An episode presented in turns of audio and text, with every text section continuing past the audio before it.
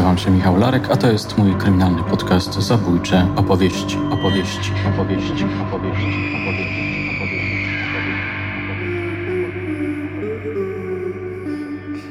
Opętana dziewczyna i inne legendy.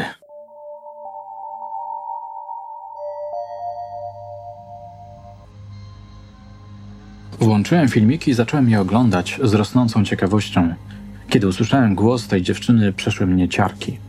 Znalazłem się w środku jakiegoś domu, w którym znajdowała się grupa ludzi. Niektórzy byli umundurowani. Przywoływali ją, posługując się zdrobniałym imieniem. Chodź, córka przyjechała. Prowodyrka czy sprawczyni tego zajścia znajdowała się na strychu. Z góry poleciały jakieś przedmioty. Zagryzłem usta. Potem rozległ się głos. To był warkot, ujadanie dzikiego zwierza. Otworzyłem szeroko oczy. Boże, co to jest? Ludzie stojący przy wejściu na strych byli zaniepokojeni. Ostrożnie podchodzili i cofali się, wymieniając między sobą uwagi. To ona tak warczy? zapytał ktoś. To ona. Nie wiedziałem, co mam myśleć o tym, co widzę, a przede wszystkim, co słyszę. Wszystko to wyglądało jak próba aktorów, którzy grają w grozowym filmie klasy B. Głos wydobywający się z ust dziewczyny, której jeszcze nie widziałem, brzmiał jak dźwięki generowane przez filmowych opętańców. To jest fake, myślałem sobie. Może to jakaś amatorska ekipa teatralna albo rekonstrukcyjna odegrała scenkę, żeby. No właśnie. Żeby co? To nie może być fake, dyskutowałem sam ze sobą.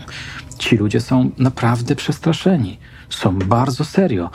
Głos dziewczyny brzmi autentycznie, choć zarazem niesamowicie. Wróciłem do wiadomości. Mam dla ciebie historię, nie kryminalną, a o opętaniu, napisała do mnie obca osoba. Mały szczegół tej historii nawiązuje do kanibala z Szarek. Tą historią żyje obecnie cała okolica. Obejrzałem parę razy filmiki i odezwałem się do dobrze poinformowanego kolegi.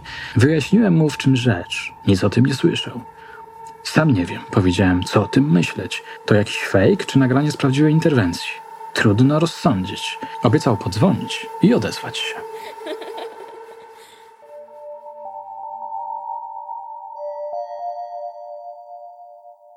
Nie wszyscy pewnie kojarzą historię kanibala z Szarek, dlatego przytoczę fragment podcastu, w którym omawiam tę makabryczną historię z 1982 roku.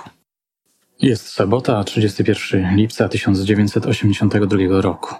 Ostatni dzień tego niezwykle upalnego miesiąca. Godzina mniej więcej 11. Komisariat Milicji Obywatelskiej w Nowym Tomyślu otrzymuje telefoniczną wiadomość, że w Szarkach została zamordowana Elżbieta G. Niecałe pół godziny później milicja przyjeżdża na miejsce. Z ustaleń jej pracowników wynika, że sprawca zdołał zbiec znacznie wcześniej. Obudziwszy się, spostrzegł, że w domu nie ma jego żony Heleny. Musiał wpaść w panikę. Wsiadł na rower i ruszył przed siebie. Funkcjonariusze dokonują oględzin domu i zszokowani odnajdują poćwiartowane zwłoki. Podobno stwierdzają, że doszło do kanibalizmu. Zabezpieczają ślady zbrodni oraz narzędzia, którym posłużył się sprawca, czyli młotek i nóż Czasami pojawia się informacja o siekierze, ale w liście gończym mowa jest właśnie o nożu. Zostają wszczęte poszukiwania. Jednocześnie milicjanci zbierają informacje o Henryku M. Dowiadują się, że uchodzi za człowieka nie w pełni normalnego. Opowieści o drastycznych szczegółach zbrodni rozchodzą się po okolicy. Dopowiedzmy, że małżeństwo M podczas libacji alkoholowej zabiło swoją młodą znajomą, Poćwiartowało jej ciało i podobno niektóre jego fragmenty zabezpieczyło w słoikach. Milicjanci, którzy pojawili się w tym domu, mieli znaleźć wątróbkę na patelni czy w rondlu. Henryk M., w ślad którego ruszyła obława, ostatecznie popełnił samobójstwo przez powieszenie. W książce, którą dla Was przygotowuję, będziecie mogli znaleźć fragmenty protokołu z sekcji zwłok. Elżbieta M. została zatrzymana, a potem skazana na karę więzienia. Podobno żyje i mieszka w innym województwie. Oczywiście w związku z gwałtowną śmiercią, która przypominała samobójczą śmierć Józefa Pluty, pojawiły się plotki, że zabójca został zamordowany przez milicjantów. Tego rodzaju ludowe opowieści, napędzane przez kolejne, coraz bardziej fantastyczne plotki, szczerze mnie fascynują. Lubię zbierać narracje, które oplątują jakieś wydarzenia, ludzi, zjawiska i zaczynają żyć swoim życiem spektakularnym, filmowym, niesamowitym błyszczącym jak solidna fikcja. We wspomnianej książce pojawia się ten motyw i soczyste, smaczne przykłady. Ktoś mi kiedyś powiedział, czy napisał, że po śmierci Henryka M. mieszkańcy okolicznych wsi długo jeszcze się bali zabójcy. Nie dowierzali, że nie żyje? Bali się jego ducha? Gdy skończyłem książkowy rozdział o tej sprawie, otrzymałem na Instagramie wiadomość, która dotyczy właśnie tego motywu lokalnych opowieści niesamowitych, przenoszonych z ust do ust, które zamieniają prawdziwe wydarzenia w ciąg emocjonujących obrazów czy obrazków. Ostatnio natknęłam się na podcast o kanibalu z Szarek. Słuchałam z ogromnym zainteresowaniem, ponieważ pochodzę z okolicy. Moi dziadkowie mieszkali w Kuźnicy z Bąskiej. Ja nie pamiętam tej sprawy, ale moja mama dobrze pamięta ten czas.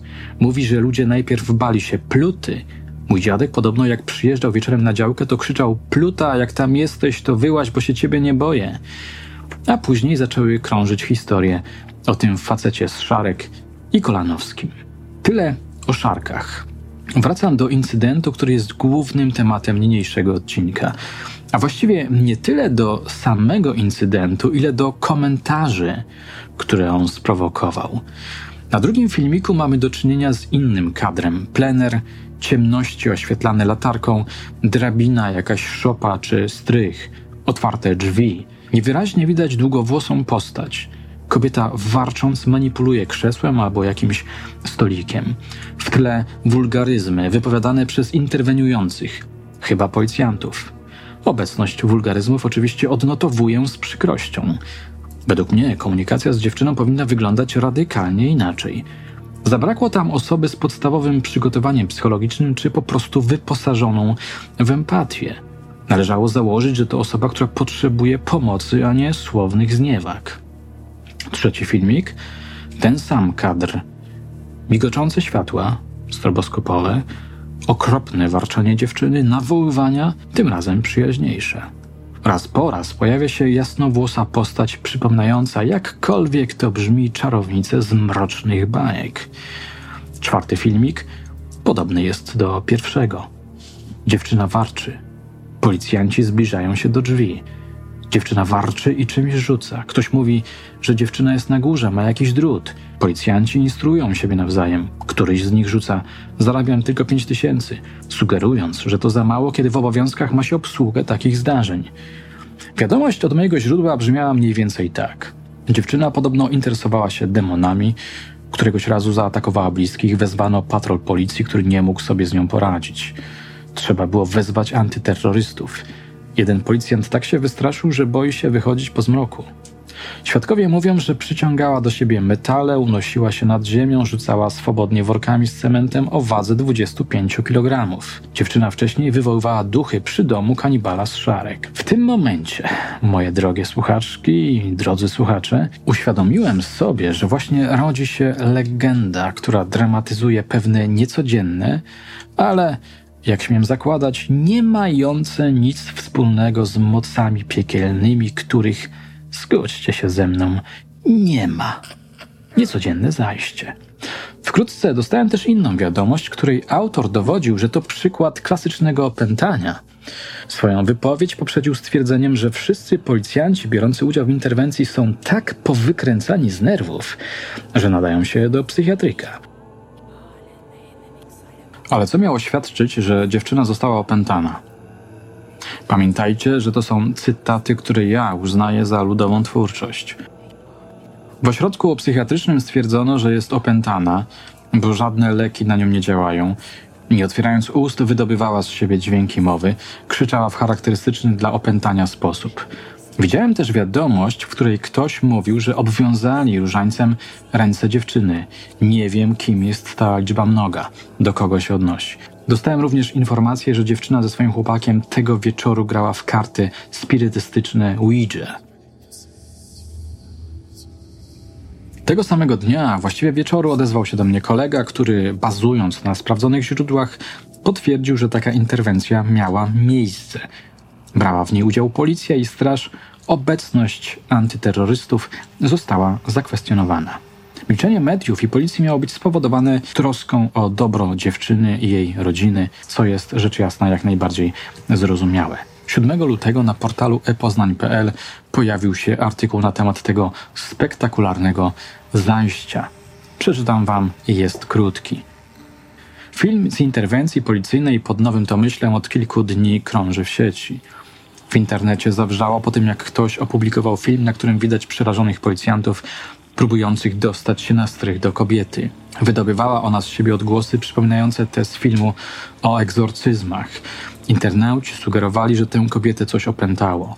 Słychać, jak przerażony policjant mówi pod nosem, że za taką pracę dostaje tylko 5 tysięcy złotych. Interwencja była niebezpieczna, ponieważ kobieta nie tylko wydobywała z siebie przeraźliwe odgłosy, ale również rzucała niebezpiecznymi przedmiotami w kierunku mundurowych. Mundurowi próbowali kilka razy wejść do pomieszczenia, gdzie przebywała kobieta, ale bezskutecznie. Jeden z członków rodziny kobiety próbował dotrzeć do niej poprzez wypowiadanie imienia jej córki. Redakcji portalu Poznań Nasze Miasto udało się dotrzeć do informacji potwierdzającej autentyczność filmu. Wielkopolska policja potwierdza interwencję pod nowym Tomyślem. Oficer prasowy M. Majewski w rozmowie z dziennikarzem Poznań Nasze Miasto powiedział, że sprawa jest delikatna, ponieważ dotyczy rodzinnej interwencji. Kobieta została ostatecznie przetransportowana do szpitala.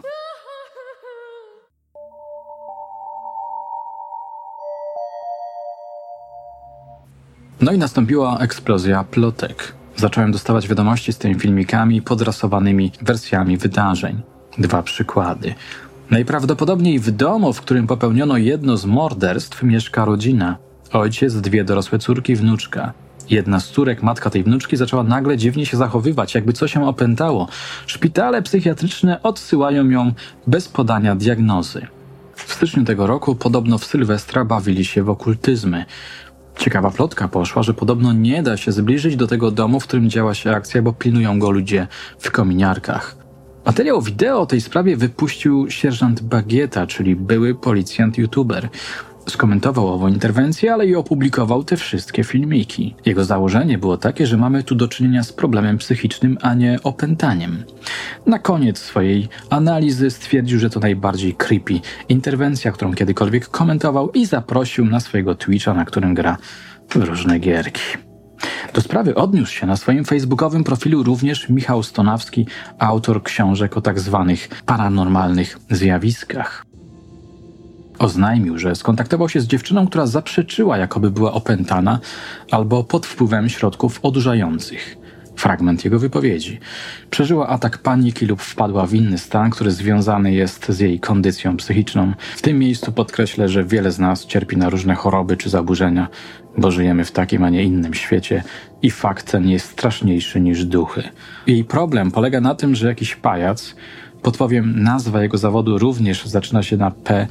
Wrzucił jej nagrania do internetu i kobieta boi się teraz wychodzić z domu. Życzenia śmierci, hejt, docinki, naigrywanie się. Tak wygląda jej rzeczywistość. Wielu z Was jest już przekonanych i o tym, że jest ćpunką, i o tym, że nakręca aferę, albo że jest haha opętana, bo w Polsce opętanie kojarzy się tylko z czymś, z czego trzeba się śmiać, nie żeby psychiatrzy wyróżniali taki stan. Ten właśnie sposób kreujemy prawdziwe nawiedzenia i prawdziwe historie z horroru, niezrozumieniem, wyniosłością, ignorancją, arogancją, dopisywaniem sobie scenariuszy i tworzeniem plotek. Tyle Michał Stonawski. Straszne, prawda? Mam nadzieję, że ludzie nie zrobią z niej czarownicy i zarazem kozła ofiarnego, których funkcją jest rozładowywanie społecznego i jednostkowego napięcia.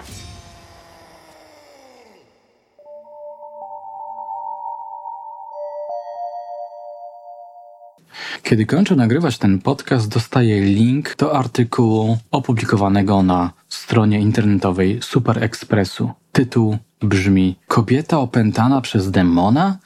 Policjanci byli przerażeni. To ona tak warczy? I krótki lit, nagranie z policyjnej interwencji nowotomyskich mundurowych obiegło internet. Takich interwencji mamy setki, mówi superekspresowi Mariusz Majewski, oficer prasowy policji w Nowym Tomyślu. Dlaczego ta była wyjątkowa? Ta kobieta wyglądała jakby była opętana. Szata na nie problemy zaczęli się rozpisywać internauci. Jak naprawdę wyglądała sytuacja? Szczegóły w artykule. Kiedyś kanibal, a teraz nagranie obiega sieć, że w tej samej okolicy opętało kobietę. Ciekawe, czy ma to ze sobą jakąś zbieżność. Tak ktoś napisał pod jednym z moich filmików o szarkach. Jestem ciekaw, jak wy odpowiecie na to pytanie. Jaki jest morał tego odcinka?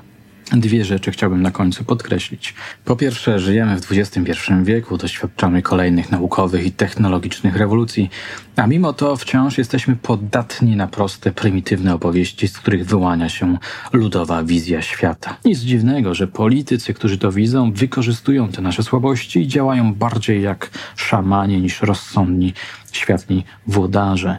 Po drugie, na naszych oczach powstaje legenda, podanie, klekta – jako pisarz chciałbym oczywiście, żeby się rozwijała i dostarczała kolejnych czytelniczych wrażeń, ale jako człowiek, któremu nie obca jest empatia, życzyłbym sobie, żeby owa legenda została zduszona w zarodku. Przecież może wyewoluować w niedobrym kierunku. Opętanie? Nie sądzę. Pragnienie opętania. Nasza atawistyczna natura marzy o takich opowieściach. Dlaczego? Skąd w nas taka potrzeba? To pytanie kieruję do Was i żegnam się już z Wami. Na dzisiaj to wszystko. Dziękuję za uwagę. Do usłyszenia już niebawem.